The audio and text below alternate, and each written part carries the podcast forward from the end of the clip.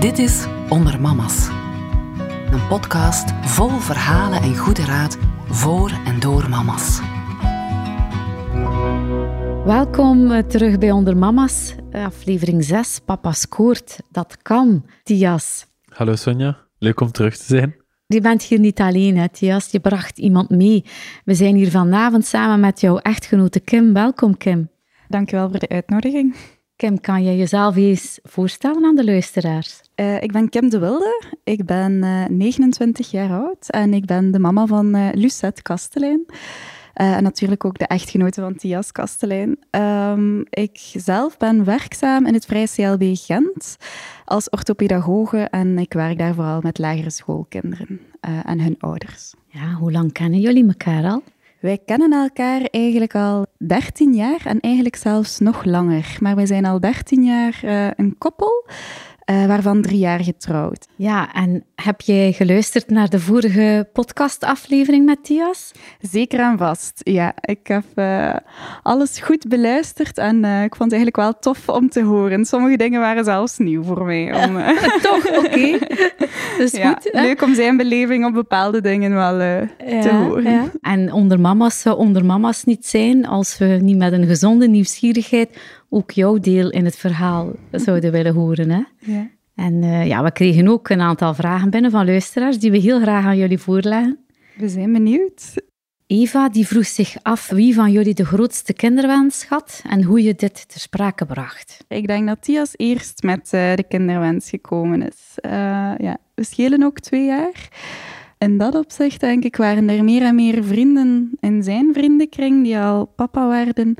En eh, dat begon dan ook wel wat te kriebelen. Ik had sowieso van in het begin eigenlijk dat we samen waren, wisten we wel van dat we een kinderwens hadden. Hè. En dat we wel eh, op termijn kinderen wouden. Maar ja, eenmaal getrouwd, is dat ook wel beginnen groeien. Aansluitend een vraag van Ellen.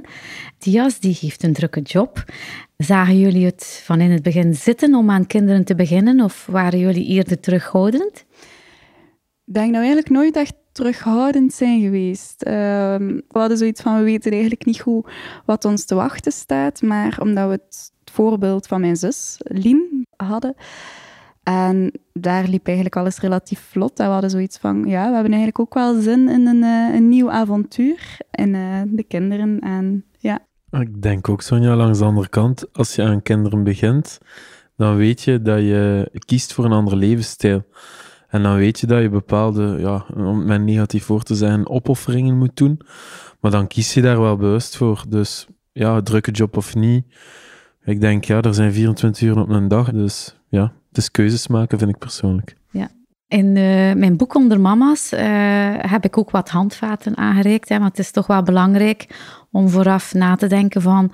Is het eh, de moment nu om aan kinderen te beginnen? Of is er wel een juist moment? Professioneel ook, wat is de werksituatie van ons beiden voor de zwangerschap, tijdens de zwangerschap en daarna?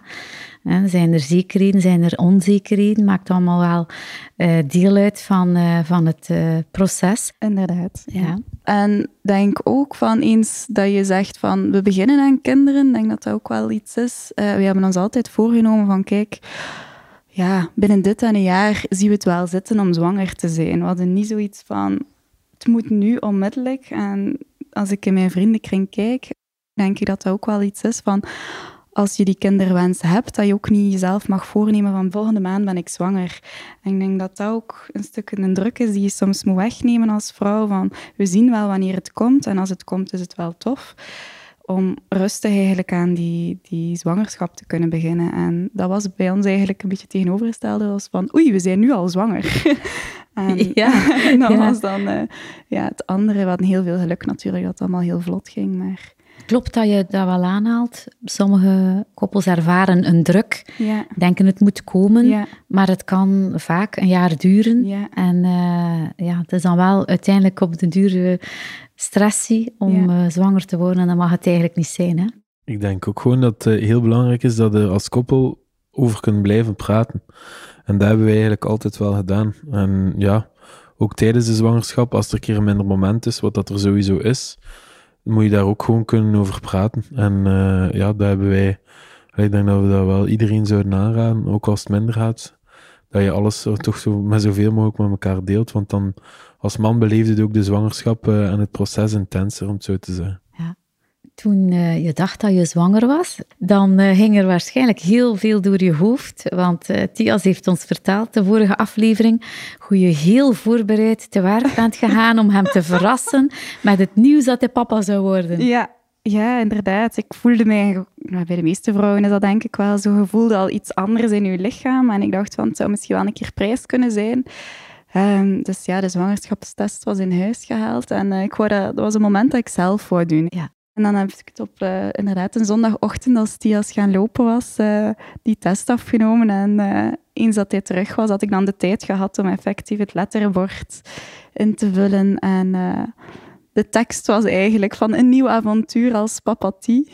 Ja, en dat stond dan in de keuken. Hè. Bent de zwangerschapstest erbij. Dus, En heb je die zwangerschapstest nog? Ja, en die zit in de Tales of Glory doos momenteel. Fantastisch. Dus, ja. ja. Goed dat je het bewaard hebt. Ik heb hem inderdaad bewaard. Ja. Want jullie bewaren wel... Uh... Ja, ik ben inderdaad in dat opzicht wel iemand die niet gemakkelijk kan weggooien. Uh, zeker zo herinneringen. We hebben uh, ja. een grote schuif in ons huis vol met kaartjes, herinneringen. En de doos is al en gevuld? En de doos is zeker al gevuld, ja. ja.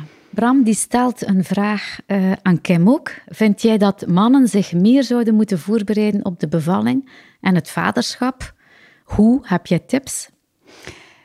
Um, Thias heeft hem eigenlijk ook wel vrij goed voorbereid. We hebben er samen voor gekozen eigenlijk om uh, de prenatale lessen te volgen bij Geboren in Gent. En uh, dat waren eigenlijk vijf of zes lessen, denk ik, uh, die we samen als koppel deden. En er was met nog drie andere koppels bij, allemaal voor dezelfde periode dat we moesten bevallen.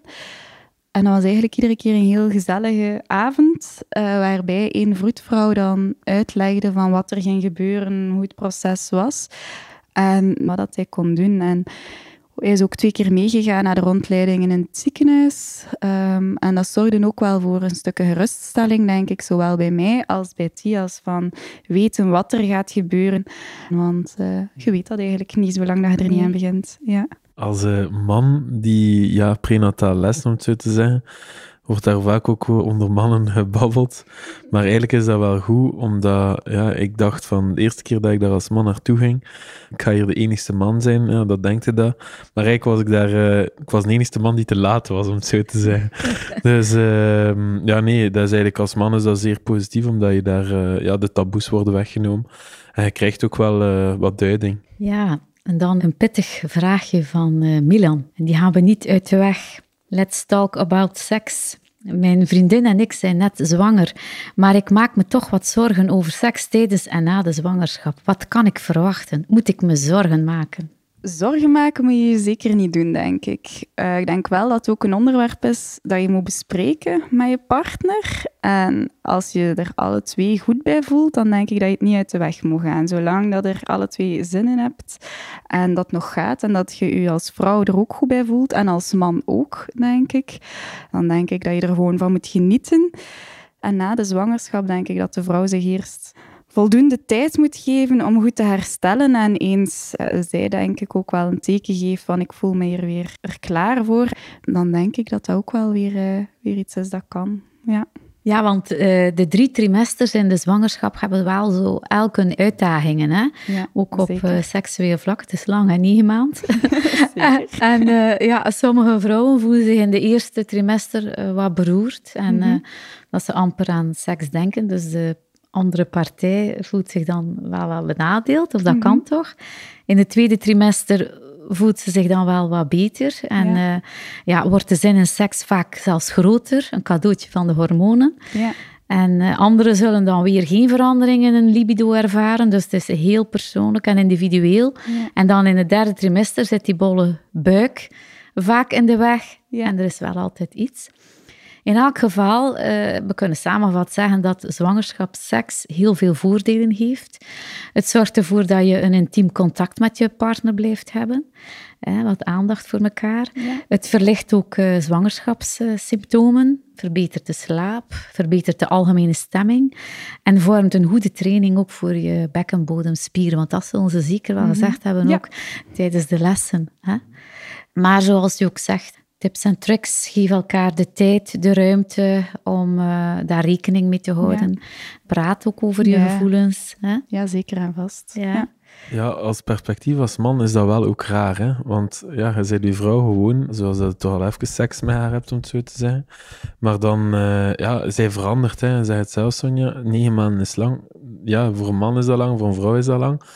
Maar uw vrouw verandert en als man blijf je, het lichaam van de vrouw verandert en als man blijf je toch een beetje ja, gelijk normaal gezien. zei dat je echt besluit om echt mee zwanger te zijn. maar uh, ja, dat is, als man ja, uh, is dat ook wel ja, soms een beetje aftasten. Of, ja, en denk opnieuw dat communicatie daarin en uh, ja, elkaar aanvoelen daarin echt heel belangrijk is. En ja, ik kan natuurlijk niet vergelijken, maar ja, als dat gevoel goed zit, dan ja, kan je tot nog vrij lang, of zelfs lang in de zwangerschap, zoals seks hebben. En post, denk ik gewoon dat het heel belangrijk is dat, dat als vrouw dat je een duidelijk signaal geeft, omdat ja, dat is wel iets, ja, dat, dat klinkt misschien nu hard. En ja, misschien denken mannen van, ja, de, Lucette of een, een kindje is eruit en we gaan onmiddellijk aan de tweede beginnen. Nee, zo gaat het niet, hè. Dus uh, ja, dus uw vrouw moet wel de tijd hebben. En ja, het is wel belangrijk dat je daar als man ook even bij stilstelt van dat een vrouw tijd nodig heeft om te herstellen nadat ze een zwangerschap doorgemaakt heeft. Ja, absoluut. Je moet elkaar terug leren aanvoelen, want uh, het is anders. Hè? Ben jij dan terug snel de oude geworden of had je lang last van uh, hormonale schommelingen, emotionele rollercoaster? Zeker de eerste weken was echt wel, wel zoeken en lastig. Um, maar door de borstvoeding ben ik wel een stukje sneller hersteld. Dat zeggen de vroedvrouwen toch altijd. En dat is wel vlotter gegaan dan. En eigenlijk mag ik echt niet klagen. Mijn lichaam heeft zich eigenlijk heel snel terug hersteld en herpakt. En ja, ik voel mij weer de oude. Ja, goed, top.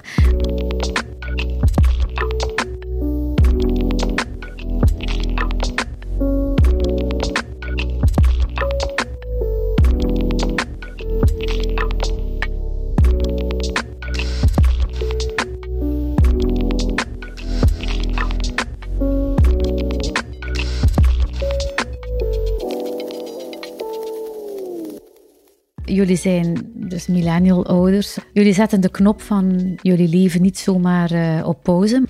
Dus ik veronderstel dat de verantwoordelijkheden bij jullie ook gedeeld worden. En wat wij vaststellen is dat de papa's tegenwoordig heel vaak meekomen ook om advies in te winnen.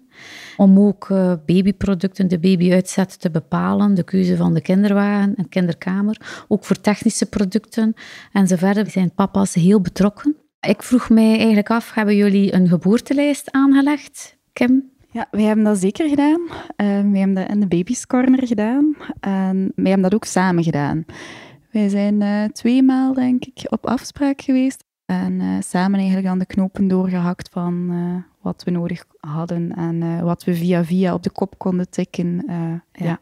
Was het een duurzame, een fashion of een avontuurlijke geboortelijst? Ik denk een beetje een combinatie van alles. Um, in grote materialen hebben we gedacht aan duurzaamheid, zoals de buggy en het park en het bedje. Van, uh, als er ook uh, misschien volgende kindjes komen, mag dat zeker wel nog even meegaan.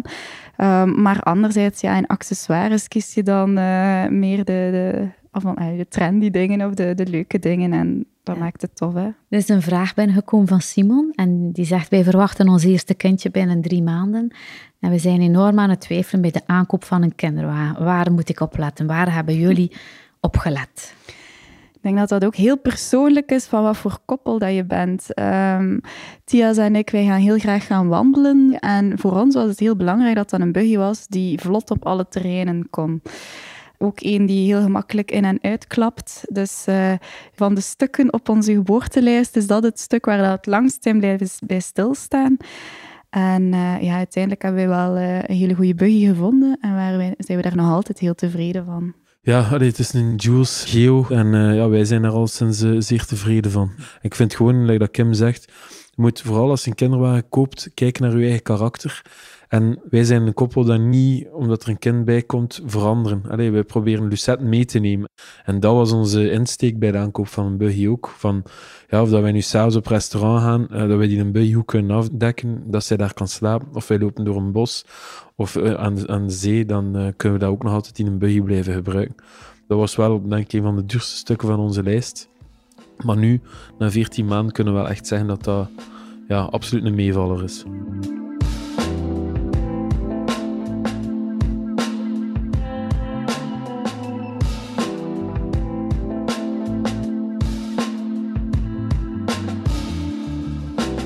Matthias vertelde ons dat het geboorteproces eigenlijk ineens heel snel gegaan is. Hè? Veel sneller dan verwacht. Uh, hij heeft blijkbaar uh, bijna halsbrekende toeren uitgehaald. onderweg naar huis, uh, tot bijna in het huis gereden, als ik mij nog goed herinner.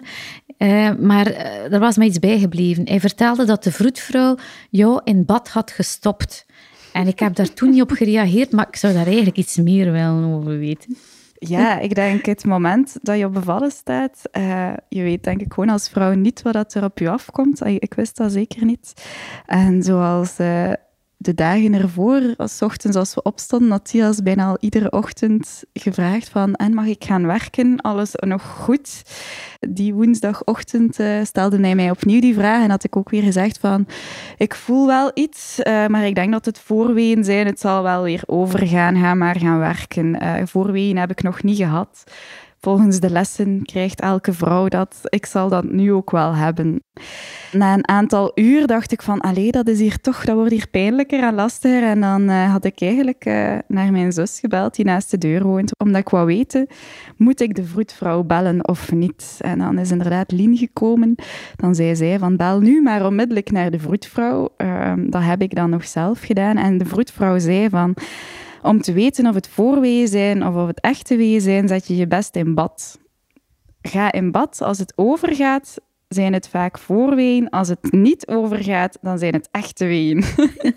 Vandaar het, het badverhaal. ging niet over in bad. En dan is ze onmiddellijk gekomen, de vroedvrouw. En inderdaad, dan is het heel snel gegaan. Mijn zus is dan uh, een stuk bij ons gebleven. En als de vroedvrouw er was, heeft ze eigenlijk gekeken hoeveel opening er was. Er was al 6 centimeter. Dus uh, dan was het echt alle hens aan dek. En uh, Thias uh, is dan inderdaad door Lien opgebeld om dan een stukje in allerheil naar het ziekenhuis te gaan. ja. Mooi verhaal. Ja. Jullie hadden goed nagedacht over de voorbereidingen en het geboorteproces, want uiteindelijk de vroedvrouw die is dan toch eerst bij u thuisgekomen ja. vooraleer dat je dan naar de kliniek bent gegaan ja, of naar de materniteit ja, bent ja, gegaan. Hè? Ja, we hadden uh, dat inderdaad ook samen wel beslist. En dat was uh, via geboren in Gent heb je de verschillende opties van een thuisbevalling of een vroedvrouwbevalling in het ziekenhuis of uh, ja, effectief gewoon de controles van de vroedvrouw uh, pre- en postnataal. En uh, wij hadden voor de optie gekozen van de prenatale lessen en ook de opvolging door de vroedvrouw en ook een vaststelling. Dat konden zij doen om te kijken van is het inderdaad al nuttig om naar het ziekenhuis te gaan of niet. En in dat opzicht vond ik dat wel een hele geruststelling om te weten, ah, die vroedvrouw kan aan huis komen. Ik kende die persoon ook al, zij kende mij. Maar ik heb daar heel veel aan gehad. Ja, zij heeft dat proces ook meegemaakt. En nadien heeft zij ook de opvolging gedaan van Lucette. Want ook die eerste dagen als je thuis komt, alles overvalt je ook. Ja, zo die hielprik moet nog gebeuren, al die dingen. En je hebt heel veel vragen. En dan is het echt wel een geruststelling als je een vroedvrouw die je al kent, eigenlijk bij u aan huis komt en je ook echt wel geruststelt. En ja. zowel naar het kind kijkt als naar jezelf kijkt. En dat is eigenlijk wel, uh, wel Ja. tof. Dus dat vind ik wel een heel belangrijke tip. Zorg dat je een goede vroedvrouw hebt, waar dat je je goed bij voelt. Ja, oké. Ehm Caroline die vraagt zich af op welk moment dat jullie tot het besef kwamen. Het is voorrecht dat je leven met de baby eraan komt. En eh, kwam dit besef voor jullie beiden op hetzelfde moment? Of eh, hoe gingen jullie hiermee om? Ik denk dat dat eigenlijk het moment van dat je de zwangerschapstest deed, was dat bij mij al van, oh jee, nu is er geen weg terug. Er zit een kindje in mijn buik. Amai, wat is dat hier nu? En dat was voor ons een heel speciale dag. Ik weet dat wij nog iets gaan drinken zijn in de stad dan met ons twee, om dat alle twee een keer te laten bezinken. En dat was toen al bij mij eigenlijk van, wauw. En we zien wel wat er op ons afkomt. Ja, wat Kim zegt is waar, maar bij mij, dat is raar, maar als man is dat echt dat gevoel als je in het ziekenhuis vertrekt en in een auto zit en dat, als je thuis komt. En dat was bij mij echt van, ja, je leeft daar dan inderdaad negen maanden naartoe. En dan, ja, dan, weet niet goed wat er komt. Dan in het ziekenhuis worden ge- geholpen bij elk moment dat nodig is. En dan als je thuis komt, dat moment in de auto, ja, vond ik, dan besefte van, ja, het is aan ons. Ja, dan waren we echt plots mama en papa. Ja. Er kwam een vraag binnen van Jolien en die zou het volgende graag weten. Welke tips zou je aan andere papa's geven om rustig uit te kijken naar de bevalling? En zijn er specifieke tips voor de tijd in het ziekenhuis, Thias? Wat ik eh, gedaan heb in die negen maanden, is vooral ook gekeken naar hoe dat Kim zich voelde. En eh, we hebben dingen blijven doen, zoals wandelingen, allee, activiteiten. Maar dan in het ziekenhuis, ja, ik, wij hadden een enorme luxe dat het heel snel gegaan is. Dus ik heb niet zoals dat, ja, andere koppels heel lang moeten wachten. Eigenlijk hebben we ons daar wel een stuk op voorbereid, omdat we ook dachten dat dat een lange bevalling ging worden. Hebben we eigenlijk wel eh, het idee gehad van eh, gedurende heel de zwangerschap hebben we een, een playlist samengesteld. Ja. Eh, en dat was de Baby Tiki playlist, om het zo te zeggen. En we dachten van, kijk, dat is dan een playlist voor tijdens eh, ja, de bevalling op te kunnen leggen. En dan eh, gaat ze met leuke muziek geboren worden. Ook de tablet lag klaar, eh, de Netflix lag klaar voor Tia. Met het idee van, we moeten daar onze tijd kunnen doden, we moeten dat kunnen invullen. Ik had zelf een magazine mee, eh, om- dat ik nog herinner. Ehm, maar ja, uiteindelijk hebben we het inderdaad allemaal niet nodig gehad. Maar we hebben ons daar wel op voorbereid, omdat we dachten van, het kan lang duren. Hoe lang heeft het eigenlijk geduurd dan? Eigenlijk eh, heeft het eh, gelukkig ja, niet lang geduurd. Ik heb op dat vlak denk ik eh, een luxe bevalling gehad. Ehm, rond één uur is Tias thuisgekomen. Ik denk rond twintig na één of half twee waren we uiteindelijk in, het UZ Gent. En dan, ja, denk om twintig na vier is Lucette geboren. Dus het is eigenlijk heel vlot gegaan, Mhm. ja. Waren jullie een goed team tijdens de geboorte? Hebben jullie elkaar versterkt? Ja, tijdens de geboorte denk ik, ik ga voor mezelf spreken, je komt wel in een soort waas terecht. Hè. Ja, je zit echt in je eigen bubbel als vrouw en, en om de duur ja, eerst de pijn op te vangen. En het klopt wel, denk ik. eh, De beleving van Tias daarin, van dat hij hem een stukje een coach in een bokswedstrijd voelde. Hij heeft mij daar ook wel heel goed in ondersteund. En mijn aandacht, eh, ik mocht zijn aandacht kapot knijpen, om het zo te zeggen. En de aquarius die hij in mijn mond heeft gespoten is zeker ook correct. Eh, dus ja, dat was een heel intense periode. En eh, dat was eh, heel snel en heel vlot. En dat ging allemaal voem, voem, voem voorbij. En plots was Lucette daar op mijn buik. Ja. Ja. En ik heb dan nog een pittig vraagje van Sophie. Eh Thias, jij was eh, aanwezig bij de bevalling. Je hebt het dus samen met Kim meegemaakt. Eh, heeft dit nu een invloed gehad op jullie seksleven? Welke raad zou je andere ouders in spe geven op dit vlak? Want het is toch wel ingrijpend, hè, een geboorte op zich. Ik denk dat wij daar ook eerst en vooral over gesproken hebben. En ik heb daar bijvoorbeeld de keuze gemaakt om ja, achter Kim te blijven staan, zodat ik eigenlijk ja, dicht bij haar was, eh, dat ik haar vocaal en ook ja, fysiek eh, kon ondersteunen. De vroedvrouwen of de aanwezige verpleegsters waren wel regelmatig willen komen kijken en dit en dat. En ja, ik meen me toch te herinneren dat hij ook zei van, ja, als je dat niet wilt, moet je dat niet doen. En ik heb ook de keuze gemaakt voor mijzelf om dat niet te doen, omdat, ja, ik ben niet zo een bloederig type, om het zo te zeggen.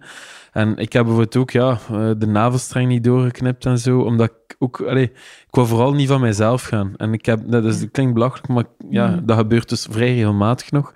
En eh, ik wou gewoon er vooral voor Kim zijn eh, in eerste instantie. En daarom dat ik echt gekozen heb om gewoon naast haar te blijven staan. En ja, om dan de link te leggen naar ons seksleven, ja, op dat moment denkt het daar niet aan. Ze.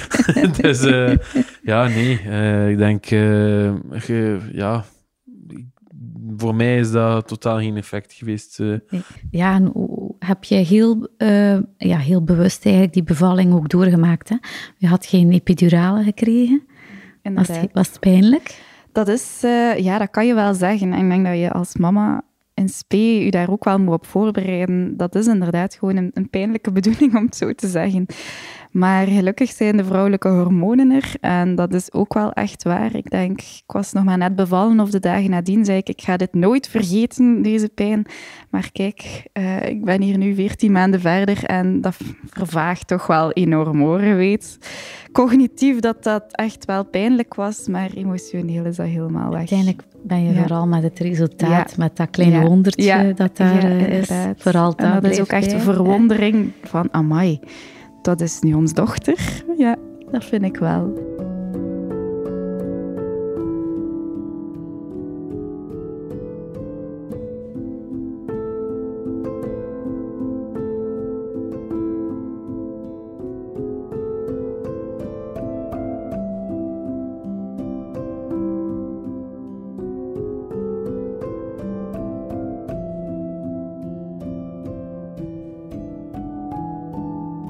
Dan kom je thuis, nieuwe routines, slaaptekort, weet ik niet, baby blues, weet ik niet. Uh, het, was, het was inderdaad eh, een grote schok. Bij mij kwam het vanaf ik in een vertrouwde omgeving kwam, dat was de auto. kwam het allemaal heel hard binnen. En dan waren die emoties er. En inderdaad ook, dat zeggen ze ook vaak, dag drie of dag vier na de bevalling ben je ook heel emotioneel. En dat was ik ook echt wel. Al die hormonen draaien door je lijf, om het zo te zeggen. En dan is dat inderdaad echt wel een rollercoaster. Zeker als emotioneel persoon. Kom je dan in je huis met een kind dat je eigenlijk nog niet zo goed kent. En ja, het is allemaal een beetje zoeken. En uh, dat was het toch echt wel hoor. Die, die eerste dagen was het uh, enorm zoeken. Ja. Was jij daar, uh, Tias, bij Kim, om voor haar te zorgen en uh, uw papa deel in de gezinsorganisatie te doen? Ja, ik denk het wel. Ik heb dat ook wel zo beleefd, uh, dat hij er inderdaad was. Ja, wij zijn op, op zaterdag naar huis gegaan en dan hadden we wel nog het weekend um, waarop dat we een beetje konden bekomen. Tias had ervoor gekozen omdat hij beperkt vaderschapsverlof had, om dan wel nog snel te gaan werken nadien en het dan op te sparen voor een hele maand augustus dan thuis te kunnen zijn. En gelukkig kon ik dan inderdaad terugvallen op, op, op mijn ouders, op zijn ouders, op, op, op mijn zus, om, om, om dan die dagen op te vangen, want het is toch wel zoeken. Dat is echt wel waar. Die, die eerste weken uh, zijn toch echt wel zoeken en elkaar leren kennen en een ritme vinden. En dat is toch ook niet te onderschatten als. Nee. Uh, Ging je mee gaan werken met een dubbel gevoel dan zo op dat moment dat je ervoor gekozen had om toch snel terug aan de slag te gaan? Nee, omdat we hebben daarover gesproken en we wisten wat er ging komen. Ik vond dat uitkijken naar die vakantie en dat langdurig samen zijn, vond ik een nog mooiere wens en ik wist dat Kim in heel goede handen was, dus ik had daar eigenlijk alle vertrouwen in wel. Maar ik denk wel, als vrouw moest het zijn, zoals dat in andere landen is, van het, eh, het vaderschapsverlof langer duren, dan denk ik wel, ik zou daar nog meer steun aan gehad hebben. Het is omdat er zo weinig dagen zijn dat we voor die keuze zijn gegaan.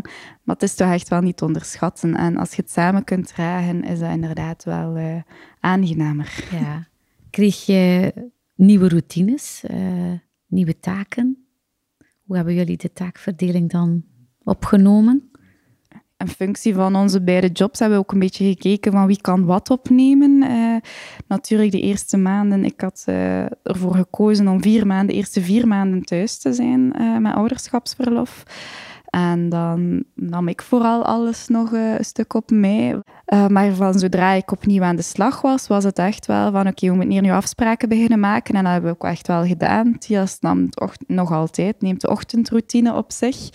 Ik kan vroeger gaan werken en ik doe dan de avondshift, uh, om het zo te zeggen. Ja. We kunnen al zo terugkijken. 30 jaar geleden was het rollenpatroon vrij klassiek tussen man en vrouw.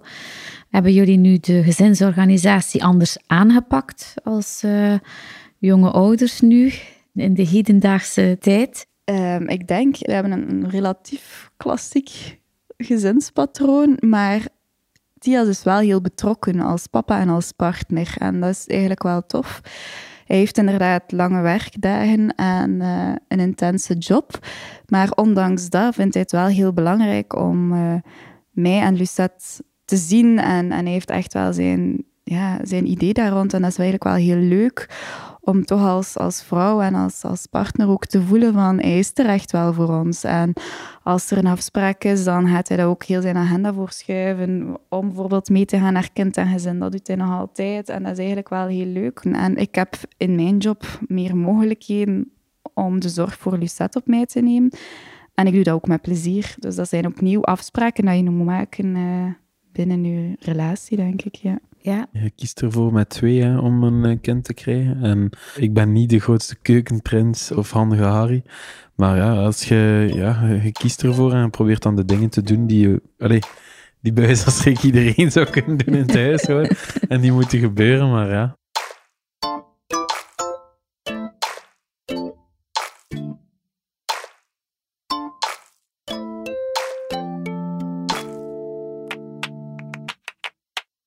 Lucette is nu een peuter. Hè? Ja. En ik ben eigenlijk ook wel nieuwsgierig naar de eerste woordjes van Lucette. Want dat is zo'n belangrijke milestone, wat je zo op voorhand al Ja. over eh, een weddenschap Ja. misschien hebt afgesloten van gaat het nu eerst mama of papa zijn? Hoe was dat bij jullie? Wel, ik vond het eigenlijk soms zo onduidelijk om te weten van is het nu haar eerste bewuste woordje of niet? Want er waren al heel veel klanken die ze produceerde en van ja, mama, mama, mama, mama, maar ook papa, papa, papa, papa. En dan weet je, is dat nu bewust mama of bewust papa? Ja, nee of wel? En nu begin je dat wel te merken. Nu heeft ze echt wel een aantal woordjes die ze bewust uitspreekt. En ja, mama was denk ik wel een van de eerste, maar ook eh, de hond van mijn ouders heet Dotte. En dat heeft ze deze reis leren uitspreken. En ieder diertje is nu Dotte. Dus het was niet eerst papa. Ik kan gewoon zeggen, Sonja, dat ik die weddenschap echt zwaar verloren heb. het is echt al even mama. het is nog maar heel recent papa. Mama gebruikte ze ook wel voor papa. Iedere volwassene was mama. Oké. Lucette is dus een peuter en ehm, deze fase kent uiteraard zijn uitdagingen. Hè? Zeker en vast. En dan vraag ik mij af zo, wie van jullie is eh, de meest consequente? Ik probeer heel consequent te zijn, maar het is inderdaad sinds een aantal maanden dat echt het opvoeden begint. Zoals, eh, we hebben een poes in huis en ze kan echt de kattenkorrels eh, gaan pakken en in haar mond steken. Als je dan nee zegt, opnieuw nog eens gaan doen, om zo een beetje te, te testen van hoe of wat. Eh, naar mijn nee gaat ze niet onmiddellijk luisteren, maar het is wel nu al zo als Tias hem een keer boos maakt en het is nee, dan verschiet ze wel al onmiddellijk en stopt ze. ja. Ik denk dat ik, nee, dat Kim zegt, dat ik soms wel de strengste ben. Maar vaak is dan wel de conclusie dat je nog moet inschatten van hoe streng dat je dan moest zijn. Maar ja, dan hangt ze rap aan de benen van mama als ik mijn stem verhef. Maar ze luistert wel, hè, als ik mijn stem verhef. Er is een vraag van Kaat. Eh, zitten jullie op één lijn in zaken de opvoeding? Hè? Want ja, zijn jullie het soms ook eh, niet eens over bepaalde zaken? En hoe pakken jullie dit aan? Ja, ik denk dat we wel op dezelfde lijn zitten. Eh, als ik zo een beetje kijk naar in welke nestjes, om het zo te zeggen, dat we zelf zijn opgegroeid, ligt dat ook wel een stuk in dezelfde lijn. En ik denk dat we vooral geleerd hebben om, om goed te communiceren met elkaar en, en te kijken ook van, ja, waarom verbied je dat of waarom wil je dat ze dat doet? En als je dat weet, dan kan je elkaar daarin steunen. En dat is ook wel echt iets dat we denk ik willen van eens dat iets afgesproken is, dan gaan we ons daar ook aan houden. En dan is dat voor het kind ook heel duidelijk. Ja, en eh, je haalt het daaraan, hè, het nest. hè. Eh, het nest dat jullie bouwen is een iets ander nest dan, eh, dan waaruit jullie zelf zijn eh, gegroeid. Ja, nest is anders, hè. natuurlijk. Denk, we hebben wel een stuk dezelfde waarden die we voorop stellen en dingen die we willen meegeven. En we willen vooral dat het een warm nest is waar dat ze zich thuis voelt en eh, waar dat ze alles kan zeggen. Maar natuurlijk eh, gaat ze ook wel haar grenzen hebben. En ze gaat ook wel moeten weten van hier binnen mag ik vrij zijn en alles doen. Maar ik moet ook wel luisteren naar mama en papa. Zijn er grote verschillen, generatieverschillen zo, tussen jullie nesten? Hè? Nee, eigenlijk niet. Ik heb nog één oudere zus en twee oudere broers, dus ik ben eigenlijk de jongste van vier. En ehm Sias heeft ook nog eh, een jongere broer die even oud is als mij. Dus dat is eigenlijk allemaal een beetje dezelfde generatie. Ja. Nee, we hebben ook het voordeel dat onze ouders echt goed overeenkomen. Die maken ook onderling geen... discussies of ruzies over, ah, Lucette blijft daar slapen of Lucette blijft daar slapen. Nee, dat, dat is echt gewoon ook een heel goed aanvoelen tussen ons en hun. En dat is ja, zeer aangenaam. En ook naar opvoeding toe of naar aanpak toe. Het is niet zo dat je moet zorgen maken. Nee, nee, nee, absoluut niet. ik denk de, de oma's en ook de opa's kunnen soms wel een keer ja, haar, uh, haar, haar dutje vergeten, om het zo te zeggen. Langs beide kanten. En uh, ja, dat is dan uh, iets minder leuk voor ons, want ja, op de dag zelf zie je dat niet, maar dan de volgende dag is dat weer dat ritme vinden. Maar uh, ja, dat is, dat is het typische oma-opa gedrag waar dan we nu een keer mee in aanraking komen, denk ik. Dat redeneren van, ja, als ze nu bij ons is, dan uh, gaan we daar het maximale uithalen. Hè. En dan gaan we haar niet in bed steken. Hè. Nee, dat doen we. Moet thuis maar slapen. Ze was, ze was niet moe, ze was niet moe. Dat horen we dan regelmatig. Ja, en um, het sociale leven, daar wordt ook vaak uh, over gesproken. De eerste maanden uh, blijkt dat toch wel heel moeilijk te zijn. Kunnen jullie een sociaal leven onderhouden?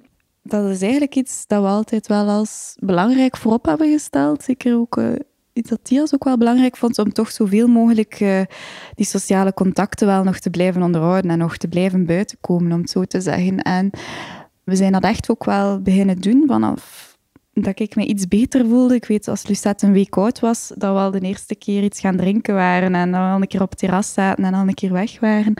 We hadden ook enorm het geluk dat Lucette echt een baby is die heel graag meegaat, heel graag op pad gaat. Uh, het is zelfs zo, als we te lang thuis zijn, dat ze soms lastig wordt, waar we er echt mee op, op stap moeten gaan. En uh, we hebben dat ook gewoon gedaan. We zijn echt ja, er overal mee naartoe genomen, naar vrienden thuis, maar ook gewoon gaan eten echt zolang dat kon, zeker zolang dat ze in haar slaapmand lag, namen wij haar mee. En uh, dan was het gewoon haar eerste dut in haar buggy. En we legden ze mooi over in het bedje en daar sliep ze verder. En in dat opzicht heel blij dat Lucette zo is. Ja, en dat we dat kunnen doen. Ja. Ilse stelde de vraag, hoe hebben jullie de voorbije periode, coronatijd, mm beleefd? Hebben jullie daar last van gehad? Ik vond dat wel een intense periode, zeker de volledige lockdown.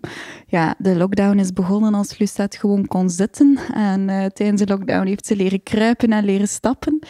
Ook wel het feit dat we zo weinig contacten hadden. We hebben dat natuurlijk wel via de sociale media en, en, en alle andere wegen proberen onderhouden. Ook eens dat we dan bubbels mochten kiezen, was de eerste bubbel mijn zus die naast de deur woont, zodat Lucette ook met andere kindjes kon spelen. En dat was eigenlijk wel leuk om, om, om weer die contacten te hebben en, uh, nog altijd te houden. Om daarop aan te vullen, Sonja, wat ik ambetant vond aan die volledige lockdown, was dat telewerk. Allee, dat was heel frustrerend, omdat je enerzijds kwam thuis met Lucette en had niet de tijd om hoe met je kind bezig te zijn en ook niet de tijd om hoe met je werk bezig te zijn. En ging daar Hans tijd tussen. En eigenlijk op het einde van de dag hadden echt een zeer onvoldane gevoel. En ik denk dat misschien veel mensen, of veel koppels met jong kind, misschien meerdere kinderen, daar toch echt wel uh, ja, lastig mee had hebben. Dus ik denk dat dat uh, geen vanzelfsprekende situatie was en is, uh, om eerlijk te zijn. Ja. Nee.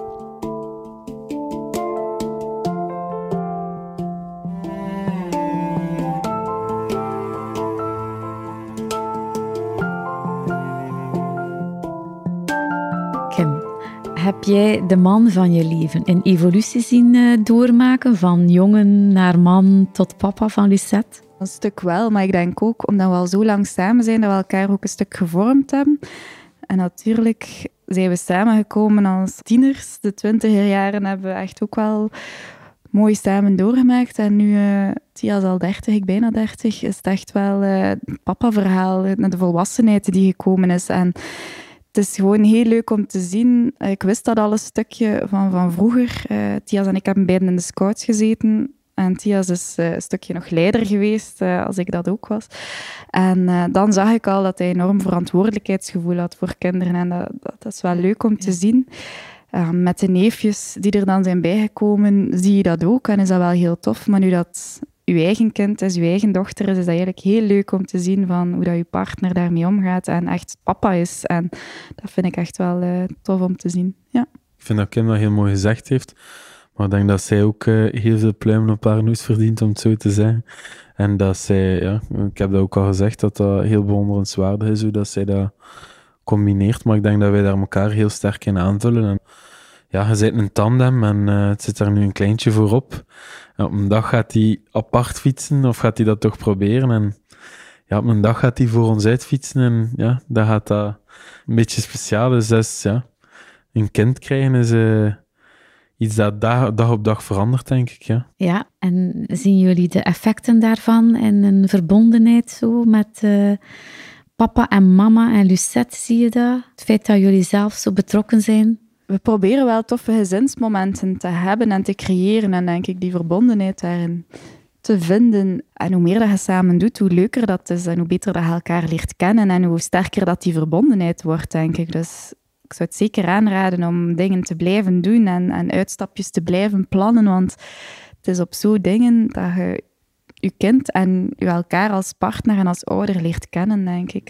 Ja, en die verbondenheid, ja. wij zijn ook een koppel dat vanaf minuut één, je mocht absoluut niet verkeerd begrijpen, maar wij hadden er ook niet een probleem mee dat mijn mama of haar mama of papa Lucette vast had, of een vriend. En dat is iets, ja, Lucette heeft die verbondenheid met ons en ik denk dat ze maar altijd weet dat ik papa en ik mama is. Maar het is ook wel leuk om haar met anderen bezig te zien en daar ook een verbondenheid mee te genereren. Hey, ik denk dat bijvoorbeeld Kobe, dat is de oudste zoon van uh, Lien, ik heb haar zus, was de eerste die haar eigenlijk heeft doen stappen. Ik was op weekend dat weekend en uh, ik zat alleen met Lucette dat weekend en uh, Kobe was met in de tuin uh, bezig met Lucette. En plots zie ik Kobe zo zijn handen uitreiken. En Lucette heeft Kobe op een of andere manier graag. En ja, plots stelt ze recht en zet ze haar eerste stappen om naar die handen. En dat was ja, ongelooflijk. Nee, dat is zeer leuk om die verbondenheid te zien. dat, dat Lucette aan het opbouwen is met haar omgeving.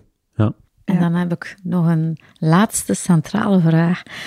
Wat wou jij dat je wist voordat je papa, mama werd? Welke houden raad zou je meegeven aan andere ouders? Ja, ik denk vooral dat als je aan het avontuur... Ik noem het echt een avontuur, want ik vind echt nog altijd dat ouderschap een avontuur is en je weet niet aan wat je begint en ieder kind is anders. Dat je het echt een stuk op je laat afkomen.